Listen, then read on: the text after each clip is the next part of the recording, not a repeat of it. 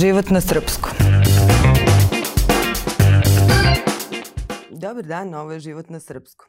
Ja sam Ana Kalaba, a moja gošća danas je Ivona Koković, koju većina vas zna kao učesnicu aktuelnog Survivora, ali i life coach, pedagoškinja, svašta nešto. Zdravo Ivona. Zdravo Ana, kako si? Jako se radujem što se vidimo i da malo otkrijemo i te nek, ta neka tvoja druga lica koja možda nismo imali priliku da vidimo na TV u ovoj avanturi. Uh, ali ajde da krenemo od toga. Sad je već prošlo neko vreme. Kako ti iz današnje perspektive gledaš na, na avanturu u Dominikani? Pa nekako mislim da svako kada prođe neko vreme ovaj, ima da kažem slegnu se ta osjećanja i te misli i sva ta iskustva. Ovaj, svakako sam srećna što sam provela svoje vreme, eto koliko, 20 i nešto dana u, na tom pustom ostavu i tom šovu. I nemam, imam samo lepe stvari da kažem. Nekako u životu ne pamtim ništa loše, a i nemam čega loše da se sećam, tako da to iskustvo ću uzeti sigurno kao nešto bitno i dobro. I eto da kažem, svakako mi je pomoglo da da nešto bolje uradim sutra u životu, da nešto naučim. Nešto iz ovog mogu da naučim. A kako si u jednoj izjavi odmah posle rekla, pobedila sam sebe. Šta ti je to značilo?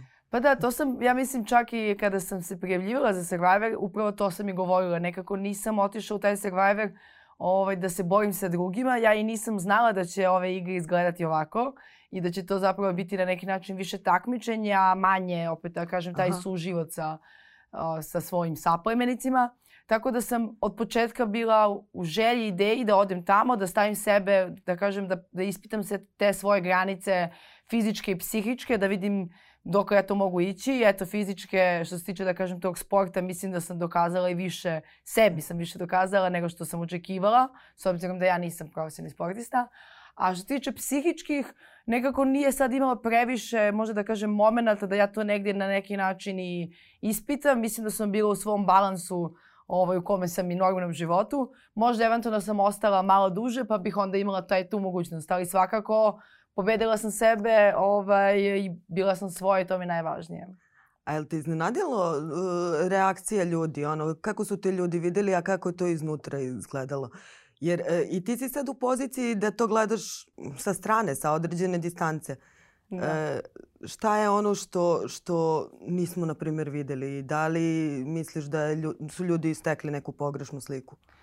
Pa verujem da postoji, da kažem, polovično razmišljanje. Mm. Ima onih ljudi koji misle negativno i da kažem ti ljudi su glasni i ovaj, ne, ne imaju, imaju, da kažem, potrebu da nekako negoduju i šalju tu tu mržnju i te neke loše komentare, a ima i ovi koji nekako to više rade ako ili u lice ili nekako ostanu prećutni. Tako da možda na neki način više smo primetili ovih negativnih jer su oni bili glasni. Oni su uvek najglasniji. Tako da. je, oni su glasni. Uh, pa naravno bilo u tom trenutku da kažem možda sam bila začuđena ovaj, jer na neki način nisam znala šta sam ja to konkretno uradila, da to opet toliko izazovem tu neku negativnu emociju kod određenih ljudi, ali ovaj, već sam i to ponavljala više puta, da smatram da svako vidi u nekom ono što ima u sebi.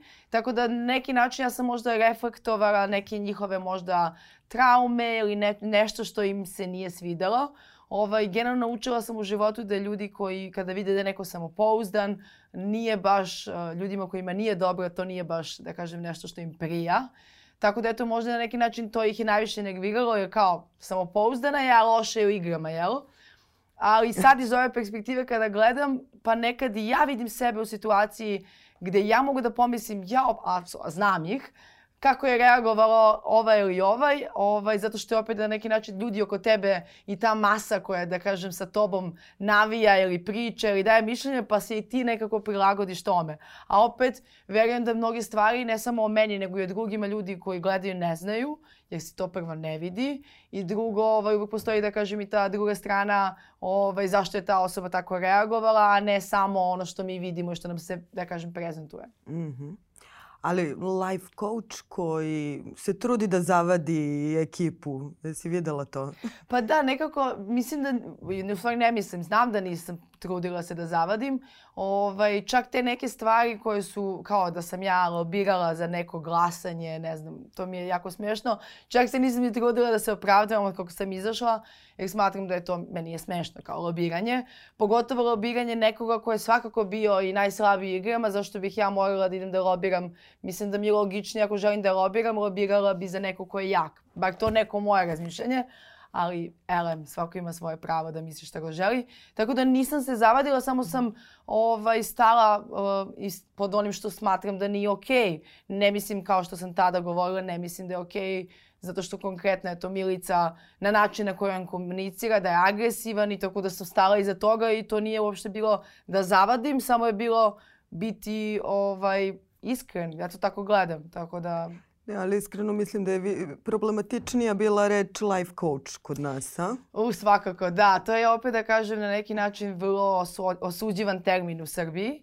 Ovaj, I na neki način sam to navikla. Ja ne živim u Srbiji već uh, koliko dugo. Ajde, šest godina u Meksiku, u Beirut, Turska, tako da ja nisam već dugo ovde i meni taj termin nije ni bio stran.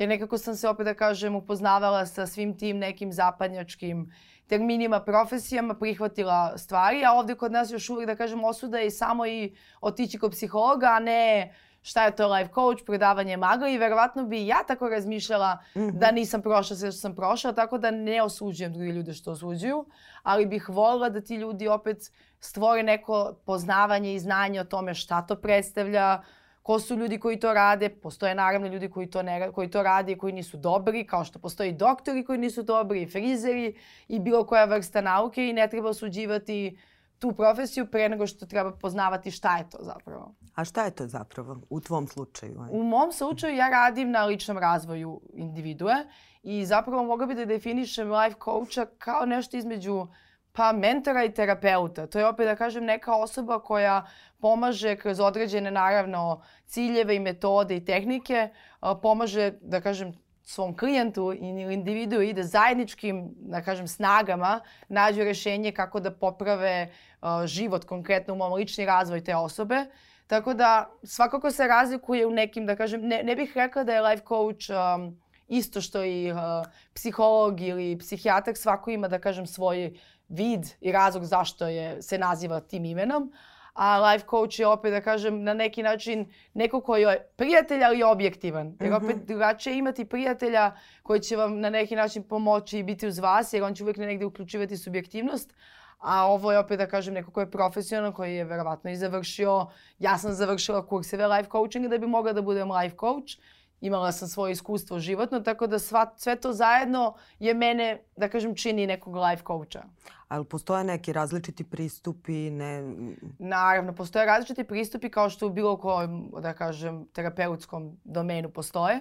Moje konkretan je da je direktan. Ja radim se na neki način sa tom neurolingvističkom programiranjem NLP i pokušavam da komunikacijom zajedničkim putem rešimo i dođemo do toga, da kažem, cilja. Znači, prvo razgovaram, postoje određene da kažem, tehnike u kojima su, kako bih to nazvala, da kažem, imam neka pitanja koja postavljam, da sama sebe osoba zapravo zapita, da kažem, spozna. Mm -hmm. Nije sad ja kao postavljam pitanja, pa oni meni daju odgovor i ja rešavam njima zadatak, nego zajedno kada pitamo, ja dok pitam, oni sami sebe pitaju i postavljaju mm sebi pitanje, aha, šta sam trebao ovde odraditi? I eto, da kažem, kroz tu podršku i kroz taj konstantan rad nalazimo, da kažem, šta je zapravo cilj i kako doći do njega. Mm -hmm ali za razliku od prijatelja koji te savetuje, ovo je nešto isto što se naplaćuje kao Tako terapeuti, kao... Ćemo da otkrijemo koliko se naplaćuje. Pa ne bih otkrivala, mislim da nekako ja sam... Postoji neka razlika u cenama, jel postoje neki koji su poznati, pa... Pa konkretno u svetu je to, postoje, ove, da kažemo, life coach je recimo jedan od najbogatijih je Tony Robbins koji ne plaća, ja verujem, ni ne znam cifru, da, mislim da je to ozbiljna cifra, ali ovaj, ne bih se ne upoređivala sa njim, on se bavi tim poslom već 20 godina i opet da kažem, eto koristim njega kao primer zato što je on, mm -hmm. da kažem, mhm. ekstrem, ali postoji life coach u Americi koji naplaćuju od 100 do 500 evra po terapiji, Ovaj, opet drugačije kod nas. Ne, može, ne mogu ja raditi kao life coach isto naplaćivati u Srbiji i naplaćivati isto u Americi. Tako da samim tim se i cena prilagođava ovaj, mm -hmm kako, kako bi to izgledalo. Tako da drugačije je ovde, drugačije je tamo. A videla sam da dosta sa strancima radiš. Koji su problemi aktualni kod nas, a koje probleme imaju tvoji klijenti? iz inostranstva. Jel može, može to da se uporedi? Pa, ovaj, nekako mislim da prvo, glavno da u Americi, pošto ja uglavnom radim sa Amerikancima i Meksikancima, da kažem to su moji klijenti, i sa njima je nekako lakše raditi zato što pomoć traže. Ovde je teško imati klijente jer nekako i uopšte da dobijem klijente da radim sa njima je redko ko prvo je to želi da zna zašto, kako, zašto ja plaćam. Mislim da nekako tu investiciju u sebe mm -hmm. ovaj, jako teško ovde ljudi preće otići kupiti bluzicu koja ne znam koliko para, nego investirati u, da kažem, bolje to mentalno, mentalno zdravlje. Tako da to prvo samo taj razlog, razlog da kažem, je veliki razlikuje se zato što tamo kod njih je to na neki način investiram da bi bilo bolje. A koje su da kažem stvari, ovde kod nas nekako primećujem, ajde da kažem bit ću ajde subjektivno s obzirom kako od mene funkcioniše, da su to uglavnom žene koje dolaze da rešavaju probleme oko toga raskinula sam sa dečkom. Mm -hmm. To su neke teme koje ovde, kažem, žene imaju potrebu da, eto, dođu, a ne, ne razmišljaju da postoje nešto dublje od toga, ali eto, da kažem, to je uglavnom ono što žele mm -hmm. da mhm. rešavaju. A u inostranstvu mislim da sad zavisi opet i od muškaraca i žena, ne mogu da tvrdim. Imam muškarice koji opet re, žele da rešavaju to neko kako na poslu da reaguju, da kažem, sa tim vremenom, nisu dobri sa taj managementom, nisu dobri u ovoj organizaciji ili da kažem, postoje opet žene ili muškarici koji nemaju samopouzdanja, mm -hmm. kako bi popravili samopouzdanje. Tako da, ovaj, mislim da svi mi imamo iste probleme. Samo je poenta ko shvata u sebi šta misli da treba da promeni. A kod nas se manje traži pomoć nego tamo, pa je možda to najglavnija razlika. Mm -hmm. Na kojim problemima ti trenutno radiš? Trenutno, to jest mislim da nije trenutno, konstantno radim na sebi i ovaj, imam potrebu da budem bolje i da budem bolji čovek, tako da mislim da taj konstantan progres je bitan. Nekako to je, da kažem, ja to zovem kao uh, kako lupa srce. Mislim, nama kada mhm. lupa srce, ono nekako ide gore, dole, gore, dole, konstantno neko dešavanje, a kada ono, kada da kažem, prestaje, onda su oni manji. Tako da, ovaj, na neki način ne želim da preživljavam, nego želim da živim i samim tim ovaj, konstantno imam potrebe da učim nešto novo, da saznam recimo šta mogu da promenim na sebi, eto na primjer konkretno sad izašla sam iz Survivora, zašto možda, šta sam mogla tu da promenim, eto šta mogu da naučim iz toga, koja je to lekcija, kako mogu to da promenim, tako da mislim da sam u konstantnom uh, radu na sebi, ne mislim da to nikad ne prestaje i ne bi trebalo da prestaje, jer to je da kažem život. Mm -hmm. A šta, šta si htela da promeniš? Pa možda uh, gledajući sada Survivor, ja da kažem, eto opet, mislim da ništa nisam, da ni, bila sam svoja, ali eto možda eto u tom trenutku možda bi trebala da naučim da ovaj, ne moram uvek da kažem sve što mislim. Ovaj, iako je možda moja namera dobra, ali ne mora uvek, nije, nije važno uvek. I, ovaj, I da se podsjetim opet da nekad ljudi nisu spremni da čuju uh, ovaj nešto. Tako da možda i ne trebam da, iako imam naljubu nameru i želim da pomognem, možda ne trebam da kažem jer ta osoba svakako neće shvatiti i to je trošenje mojih reči. Tako da eto, na neki način možda je to da kažem opet podsjetnik, jer sam to učila, pa onda opet mm -hmm. ponavljam. Ovaj, da kažem, to je neka lekcija koja me iznova podsjeća, aha, e se sećaš ovo, ovo si ranije učila, sad si zaboravila, ajde podsjeti se. Tako da eto, to je možda podsjetnik šta trebamo opet da ponovim. Ja često zaboravimo to da treba učiti iz nekih grešaka, iz nekih možda i ne tako dobrih iskustava.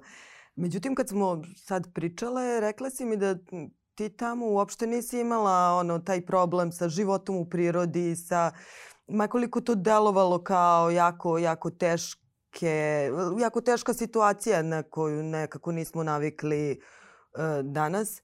Tebi to nije bio problem, ništa?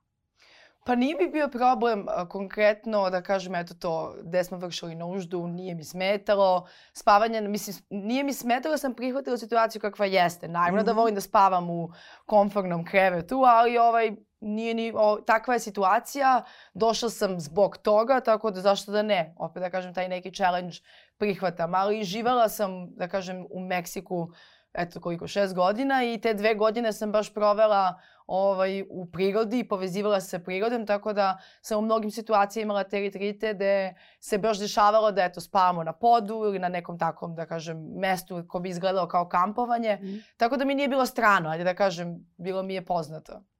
A koliko, koliko te život u Meksiku promenio? Ko je bila Ivona pre Meksika? Pa imam primjer uvek koje dajem kada se setim, ovaj, nekada kada sam otišla tamo, prvo samo taj moment kada sam upoznavala... U stvari, o... zašto si i otišla tamo? Da. Ajde. Mislim da zašto sam otišla je bila sudbina, ne mogu Aha. drugačije da kažem, zato što tada sam živjela u Beirutu, bavila sam se i modelingom, malo i produkcijom. Uvek sam volila da zapravo menjam profesije, da se istražujem i da spoznam šta želim i kako želim. Mislim da to nije ništa strašno, da je to zapravo i dobro. A mislim da nismo napomenuli da si završila filozofski fakultet, pedagogiju. Tako je, da. Tako da je to baš šareno. Ša... Jeste. Mislim da je to, to je ono, na neki način mislim da bi trebalo da budem dobar influence za, za one ljude koji na neki način smatraju šta... Danas imamo toliko mogućnosti mm. da radimo šta želimo, da ne moramo da radimo od 8 do 5 i da radimo u nekoj firmi zato što smo završili ekonomski fakultet ili pravni ili tako dalje, nego da imamo više, veliki spektar svega toga.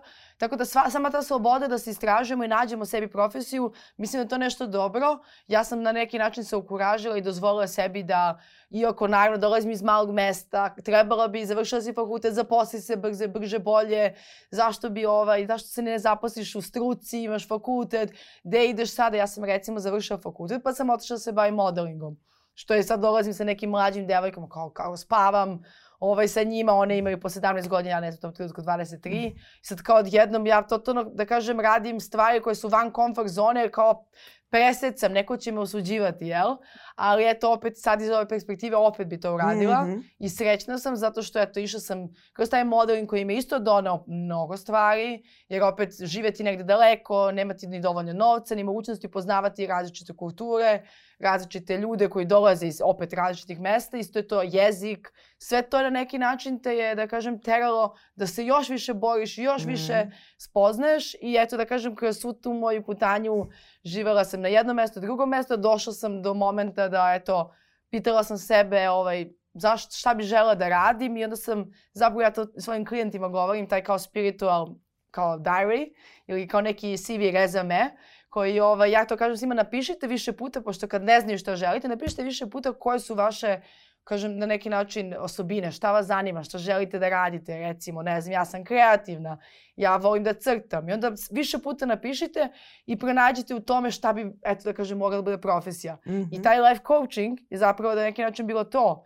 povezivanje svih tih mojih onoga što volim i što ne volim. I došla sam do, eto da kažem, tog termina, po ove, ove zapravo profesije u kojoj bi ja mogla da radim ono što volim, a da opet budem srećna jer na kraju kraja mislim da je sreća ono što svi žude, jel? Slobodu i sreću. Tako da sam ja svoje pronašao. A Meksiko? A Meksiko, pa eto, kao što sam rekla, bila to je bila sudbina da dođem tamo i nisam očekivala, mislim, ne znam šta sam očekivala. Otišla sam tamo kao, eto, bila je taj modeling ovaj, ugovor, dva meseca da ostanem, da eto, čisto Aha. upoznam Meksiko. Došla sam, ljudi su bili predivni, ovaj, vrlo različiti u odnosu na nas. Ja kad sam došla, samo se sećam sebe koja je bila jako onako konstantno tom odbrebenom stavu šta neko želi neko da mi napakosti, jer dolazimo opet iz zemlje da se mi nešto stano branimo, taj neki odbrani mehanizam. Tako da ta Ivona je bila vrlo odbrana i u strahu šta će mi se desiti. I samo taj moment ljudi koji dolazi, koji te ljube u obrazu, ti kao pružaš ruku je bio, da kažem, meni ovaj, šta se dešava, kako ja to radim. Pa onda sebe kada sam ugledala godinu dana kasnije, kada sam ja došla i ljubila ljude u Srbiji i shvatila da zašto su ovde ljudi ljuti. Tek tad sam videla da, to da kažem, prvi put da sam primetila svoju razliku, koliko je uticalo na mene bolje, da sam nekako ovaj, ja postala lakša nekako i lepša, tako da Meksiko je svakako jedno tlo koje se više, da kažem, bavi tim spiritualnim i duhovnim, a manje materijalnim. I imaš prostora da se, da se spoznaš i upoznaš. Ljudi su vrlo divni i žele stalno da stalno izlaze u susret i mislim da je njihovo jedno glavno, da kažem, pravilo da bi, budu ovaj, amable. Sad kako bi to prevela na srpskom, uh, da, da čine, da previše čine ljudima. To im je najglavnije. Mm. I onda nekako ti se tamo osjećaš ovaj, prihvaćen. Eto, a mi svi ovde znamo da opet i ovde imamo problem da li smo prihvaćeni. Svi mi znamo u suštini da kod nas, evo recimo, life coaching, tamo sam prihvaćena i priznata, a ovde nisam. A dolazim iz moje zemlje, trebalo bi biti ovde. Tako da ima tu različitih stvari zašto je Meksiko, da kažem, meni doneo dobre stvari i učinio me boljim čovekom. Mm -hmm. I u jednom intervjuu si rekla i da, se, da bi se vratila tamo, odnosno Da je plan da se vratiš tamo? Pa ja zapravo živim tamo. Ja sam došla na Mhm. odmor ovaj, u Srbiju da eto i onda se desio taj Survivor. I zaglavila u Dominikanija. Tako je, onda se desio taj Survivor i onda sam se vratila ovde da eto da kažem prođe taj period ovog šova i svega ovo što se dešava, ali ja sam i dalje tamo, imam kofere i prijatelje i opet posao koji me čeka, tako da na neki način sam trenutno ovaj, i ovde i tamo. Mhm. A kako ti se život promenio posle, posle Dominikanske republike? Pa posle Dominikanske republike eventualno šta se promenilo je da kažem opet da kažem to da to pozna, ljudi što me poznaju. Eto, to je na neki način promena. Ja kao ličnost ne vidim neke promene, ista sam osoba i sa svojim prijateljima i sa svojim bližnjima, ali eto primećujem razliku, ovaj, pogotovo deca koja mi prilaze na ulici, koje žele fotografije, žele autogram i meni je to jako slatko, a opet s druge strane pitam se zašto. Nekako i dalje ne da doživljavam da sam ja neka javna ličnost. I ne samo deca, kao što smo videli Da, da, malo ne. pre. I ne samo deca, ali konkretno najviše deca. Da, ali da, prilaze dosta i osjećam da me, da me poznaju. I to je jako i lepo i smešno s druge strane, jer nekako ja sam osoba koja je slobodna, koja Mhm. vole da živi u slobodi i onda samim taj moment kada se okrene pa kao vidimo neko me ogovara gleda, sad više ne znam da li je to zato što lepo izgledam ili zato što ovaj, me znaju sa TV-a. To je zato što lepo E, izgledaš. moguće da je to. A ne znam koliko ljudi znaju da ti imaš i sestru bliznakinju, da budu onako oprezni kad prilaze. Da, to se dešava konstantno. Ona me samo pozove. Ej, Ivona, sada sam srela ovaj, tvoje fanove. Ja kažem, ljubo, slikaj se da ono ispadnemo dobro. Nakon neću da slikam, da uzimam tvoj identitet. Ja kažem, svakako oni misle da smo to nas dve. Tako da često se dešava da je zaustavljaju. Mislim, konstantno se dešavalo i ranije da je zaustavljaju, jer jednostavno ličimo, ono, jednojajčane bliznakinje. Ali ovaj, sad je zanimljivo jer kao i ona je poznata, ne samo ja. Aha. I, I taj teret, slavu nosite zajedno. Da, pa moramo da delimo te tako u životu. Imaš sestru bliznakinju, sve delite zajedno, to je tako. Ipak različite ste. Da. Mhm. Pa jesmo, različite smo zato što uh, nekako, opet da kažem, odlazak ovaj, nas iz Prokuplja, odlazak na različite fakultete, ovaj, imalo, zaokružile smo se drugačijim ljudima, taj neki influence oko nas je bio drugačiji i samim tim su nam se, opet da kažem, putanje okrenule njoj možda više ka tom nekom materijalnom, meni ka duhovnom. Eto, ona je završila fakultet, nakon toga master, odmah je našla odličan posao.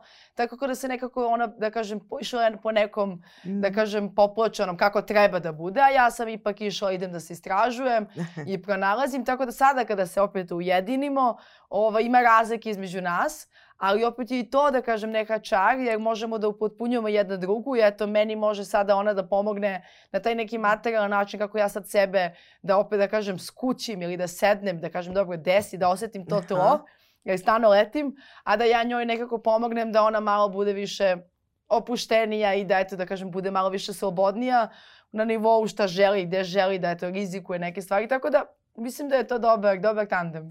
A u detinstvu jeste bile one sestre koje potpuno isto izgledaju, isto ih oblače roditelji. Pa nas je majka oblačila možda do sedme, osme godine. Nije nas oblačila ovaj, baš dugo. Ovaj. Do sedme godine nas je oblačila isto. Aha. I ovaj, onda vrlo brzo smo mi krenule da nosimo i ono bratove, košulje i šta god smo našle. Tako da je već krenulo da se razlikuje, ali da, kad gledam slike preslatko mi je ovaj, ja da imam svoju decu, ja bih ih stalno oblačila isto. Ne, ali ja imam utisak da baš zbog toga jako brzo odu svako na svoju stranu, Da. čisto da bi našle negde Gde- sebe. I... Jeste, teško je kada imaš bliznakinju koliko god je lepo, ti si nekako konstantno, ti nemaš svoj identitet, konstantno si povezan kao dvoje. Mhm. Šta vas dve radite, uh, uvek se nekako, da kažem, kada jedna nešto uradi, kažnjava se druga, kada nešto dobro uradi, nekako konstantno si vas dve. I Mhm. onda, mislim da je to konkretno kod bliznakinja ovaj, ili blizanaca jednojajčanih, nešto što je opet, da kažem, i dobro i loše. I onda potreba za tim identitetom se tek stvara, da kažem, kasnije, kada dete želi samo da dođe do toga da kaže, ok, sada želim da nađem svoj ko sam ja, šta želim. I upravo tada se, da kažem, neki način odvajaju i eto možda moj da o, moja želja da upišem nešto drugo ili njena je bila baš iz te želje da budeš sami, da Mhm. se pronađeš ko sam ja. Jer ti si konstantno upoređivan i smatraš da ste vas dve, ti ne znaš ko si ti jer te gledaju kroz nju ili on mene kroz nju. Tako da je interesantno, vrlo interesantno jer ona je tvoje ogledalo, ja sam njeno ogledalo, ali ono, veliki reflektor. Aha. A sećaš li se momenta u kojem si shvatila da to nije to, da si ti ti i da... Pa naravno, mislim, bilo je u početku teško dok smo, bila de, dok smo bile deca, zato što smo tu, okruženi smo i prijateljima i porodicom koji uvek, da kažem, forsiraju nas dve kao jedinku. Ali naravno, moj odlazak, da kažem, život u inostranstvu je, tu sam, sama sam, borim se za sebe, radim na sebi, nekako to je to, da vidimo ko je ta Ivona, mm -hmm. šta ona želi, šta stvari nju zanima, da li ona ima nešto drugačije, sem toga što su ona i sestre uvek žele. I eto, opet da kažem, taj, da kažem, to odvajanje meni pomoglo da opet spoznam sebe kao individu. A ona? Pa i ona, mislim, samim tim bile smo odvojene, živele smo u, da kažem, drugim zemljama, drugim gradovima, studirale druge fakultete, okružile se drugim prijateljima i samim tim je i ona upoznavala sebe. Eto, na neki način neko više, neko manje, neko na jednom smeru, ali tu smo, tu smo negde. Da. I šta sad radite kad se vidite? U čemu zajedno uživate? Šta su to ono, kao te neke lepe stvari koje delite? Pa da, sada već se poznajemo, poznajemo naše različite. I šta ti rekla za Survivor? Pa da, nekako, bila je svaka ti časa, to nikad ne bi uradila. ovaj, pa bila je srećna zbog mene. Nekako navikli su moji bliski da ja jednostavno volim avanture i da reagujem mm. tako i odlazim, živeću sada ovde. Meni sada ne bi bilo teško da mi neko kaže, selimo se, ne znam, na Filipine, dva meseca, šest meseca, ja bi to uradila. Tako da nekako je bila srećna zbog mene ovaj, što ću to, što idem u Survivor. Nije bilo čudno. A, nas dve se slažemo odlično, svaki dan se viđemo, živimo zgrada pored zgrade. Mm -hmm ali isto tako opet ne možemo jedna bez druge. I to je jako mm -hmm. simpatično jer onda sad živimo jedna preko puta drugi, kao odvojile smo se. ali kad je dođe kod mene, malo ajde da skuvamo neki ručak. Tako da provodimo jako puno vremena zajedno i ovaj, što smo starije mislim da nekako i više uživam u tome. Jer kad smo bile mlađe dosta smo se svađale. Mm -hmm. Ja hoću ovo i ona hoće ono. Tako da što smo starije, zrelije i što više radimo na sebi, nekako imamo i veću želju da provodimo vreme zajedno i da da, eto, da rastemo zajedno i da pomognemo da budemo bolje. A šta bi savjetovala takmičarima koji su ostali, koji se i, koje i dalje pratimo, navijamo i gledamo i kako se menjaju fizički, psihički i da. izdržavaju? Pa nadam se da svako od njih će posle ovoga imati neku lekciju. Ovaj, ne mogu da tvrdim pojedinačno za kako za koga, jer eto, ajde kažem konkretno ta tema Nađa se najviše pominje. Ona je devojka koja je jako mlada, koja je imala, da kažem, tu situaciju i porodičnu priču koja je vrlo onako da kažem, dramatična i teška i samim tim ovaj, možda je ovo na neki način njena lekcija kako da nauči da se izbori za sebe, da ne bude žrtva i da opet ta manipulacija koju ona možda gledala ili koju je možda naučila, da na neki način iz svega toga iziđeš bolje. Tako da eto, mm. mislim da svako od njih treba da uzme neku lekciju. Ja kada gledam sada nekad i pomislim, jao, pošto ja iz moje perspektive sam otišla tamo da se i šalim i zezim i da ulepšam dane, pogotovo kada je teško jer smo gladni i onda nekako i treba imati tog veselja, onda vidim njih koliko se, ono, moramo da pobedimo neka vojska i takva je atmosfera napravljena od određenih mm -hmm. članova, konkretno je da kažem Milica koja je sportista i koja tako je naučila, tako da ne mogu je suđivati, to je ona što ona zna, ne zna za drugačije. Dobro, ali svi ste različiti. Tako nekako... je, ali eto, uh. opet da kažem, ima dosta profesionalnih sportista, oni znaju kako to funkcioniš u sportu, pa su tu energiju preneli na taj život što je meni lično ovaj, bespotrebno, jer mislim da treba da postoji taj neki opušteni moment i da je uživanje, da nije toliki stres, pa dobro šta je, izgubili smo u igri, ovo je igra. Ali opet ne mogu da sudim druge ljude jer ja nisam u njihovoj koži i svako ima svoj razlog zašto je tamo i cilj i ne, ne ljutim se ni na koga za bilo šta što su rekli, čak i što su slagali i što, što je bilo istinito i što nije i što su iskoristili protiv mene, jer ovaj, verujem da svako od njih uh, imaće svoju lekciju. Tako da, mm. ajde kada izađu, možda će neko i da mi se izvini za stvari koje je rekao, a nije mislio. Ja bih volila sa svakim da popijem piće i da porazgovaram. Neće mi biti svi prijatelji. Jednostavno biram ljude s kojima želim da provodim vreme. Ali svakako, što se mene tiče, ja sam totalno okej okay sa svima i želim svakom od njih i da pobedi. Mm -hmm. Kogod je tamo. Da, i ti si posle svega toga delovala si mi vrlo okej okay, sa tim hejterskim komentarima i sa tim glupovim pitanjima Koje, ti, koje te pitanje najviše iznerviralo? Pa ne znam, ne nerviram nešto, ne, ne nerviram se u životu. Pokušavam da se ne nerviram. Konstantno pitanje koje pitaju jeste uh, gde ste vršili nuždu i ovaj, kako su vam čiste kose. A? Kako su vam čiste kose? Ja ponovim 17. put vršili smo nužde u šumi i nemamo, nisu čiste, samo deluju. Ali ljudi naravno ne žele i onda prave teorije zavere. Ali videla sam kako je njoj čist...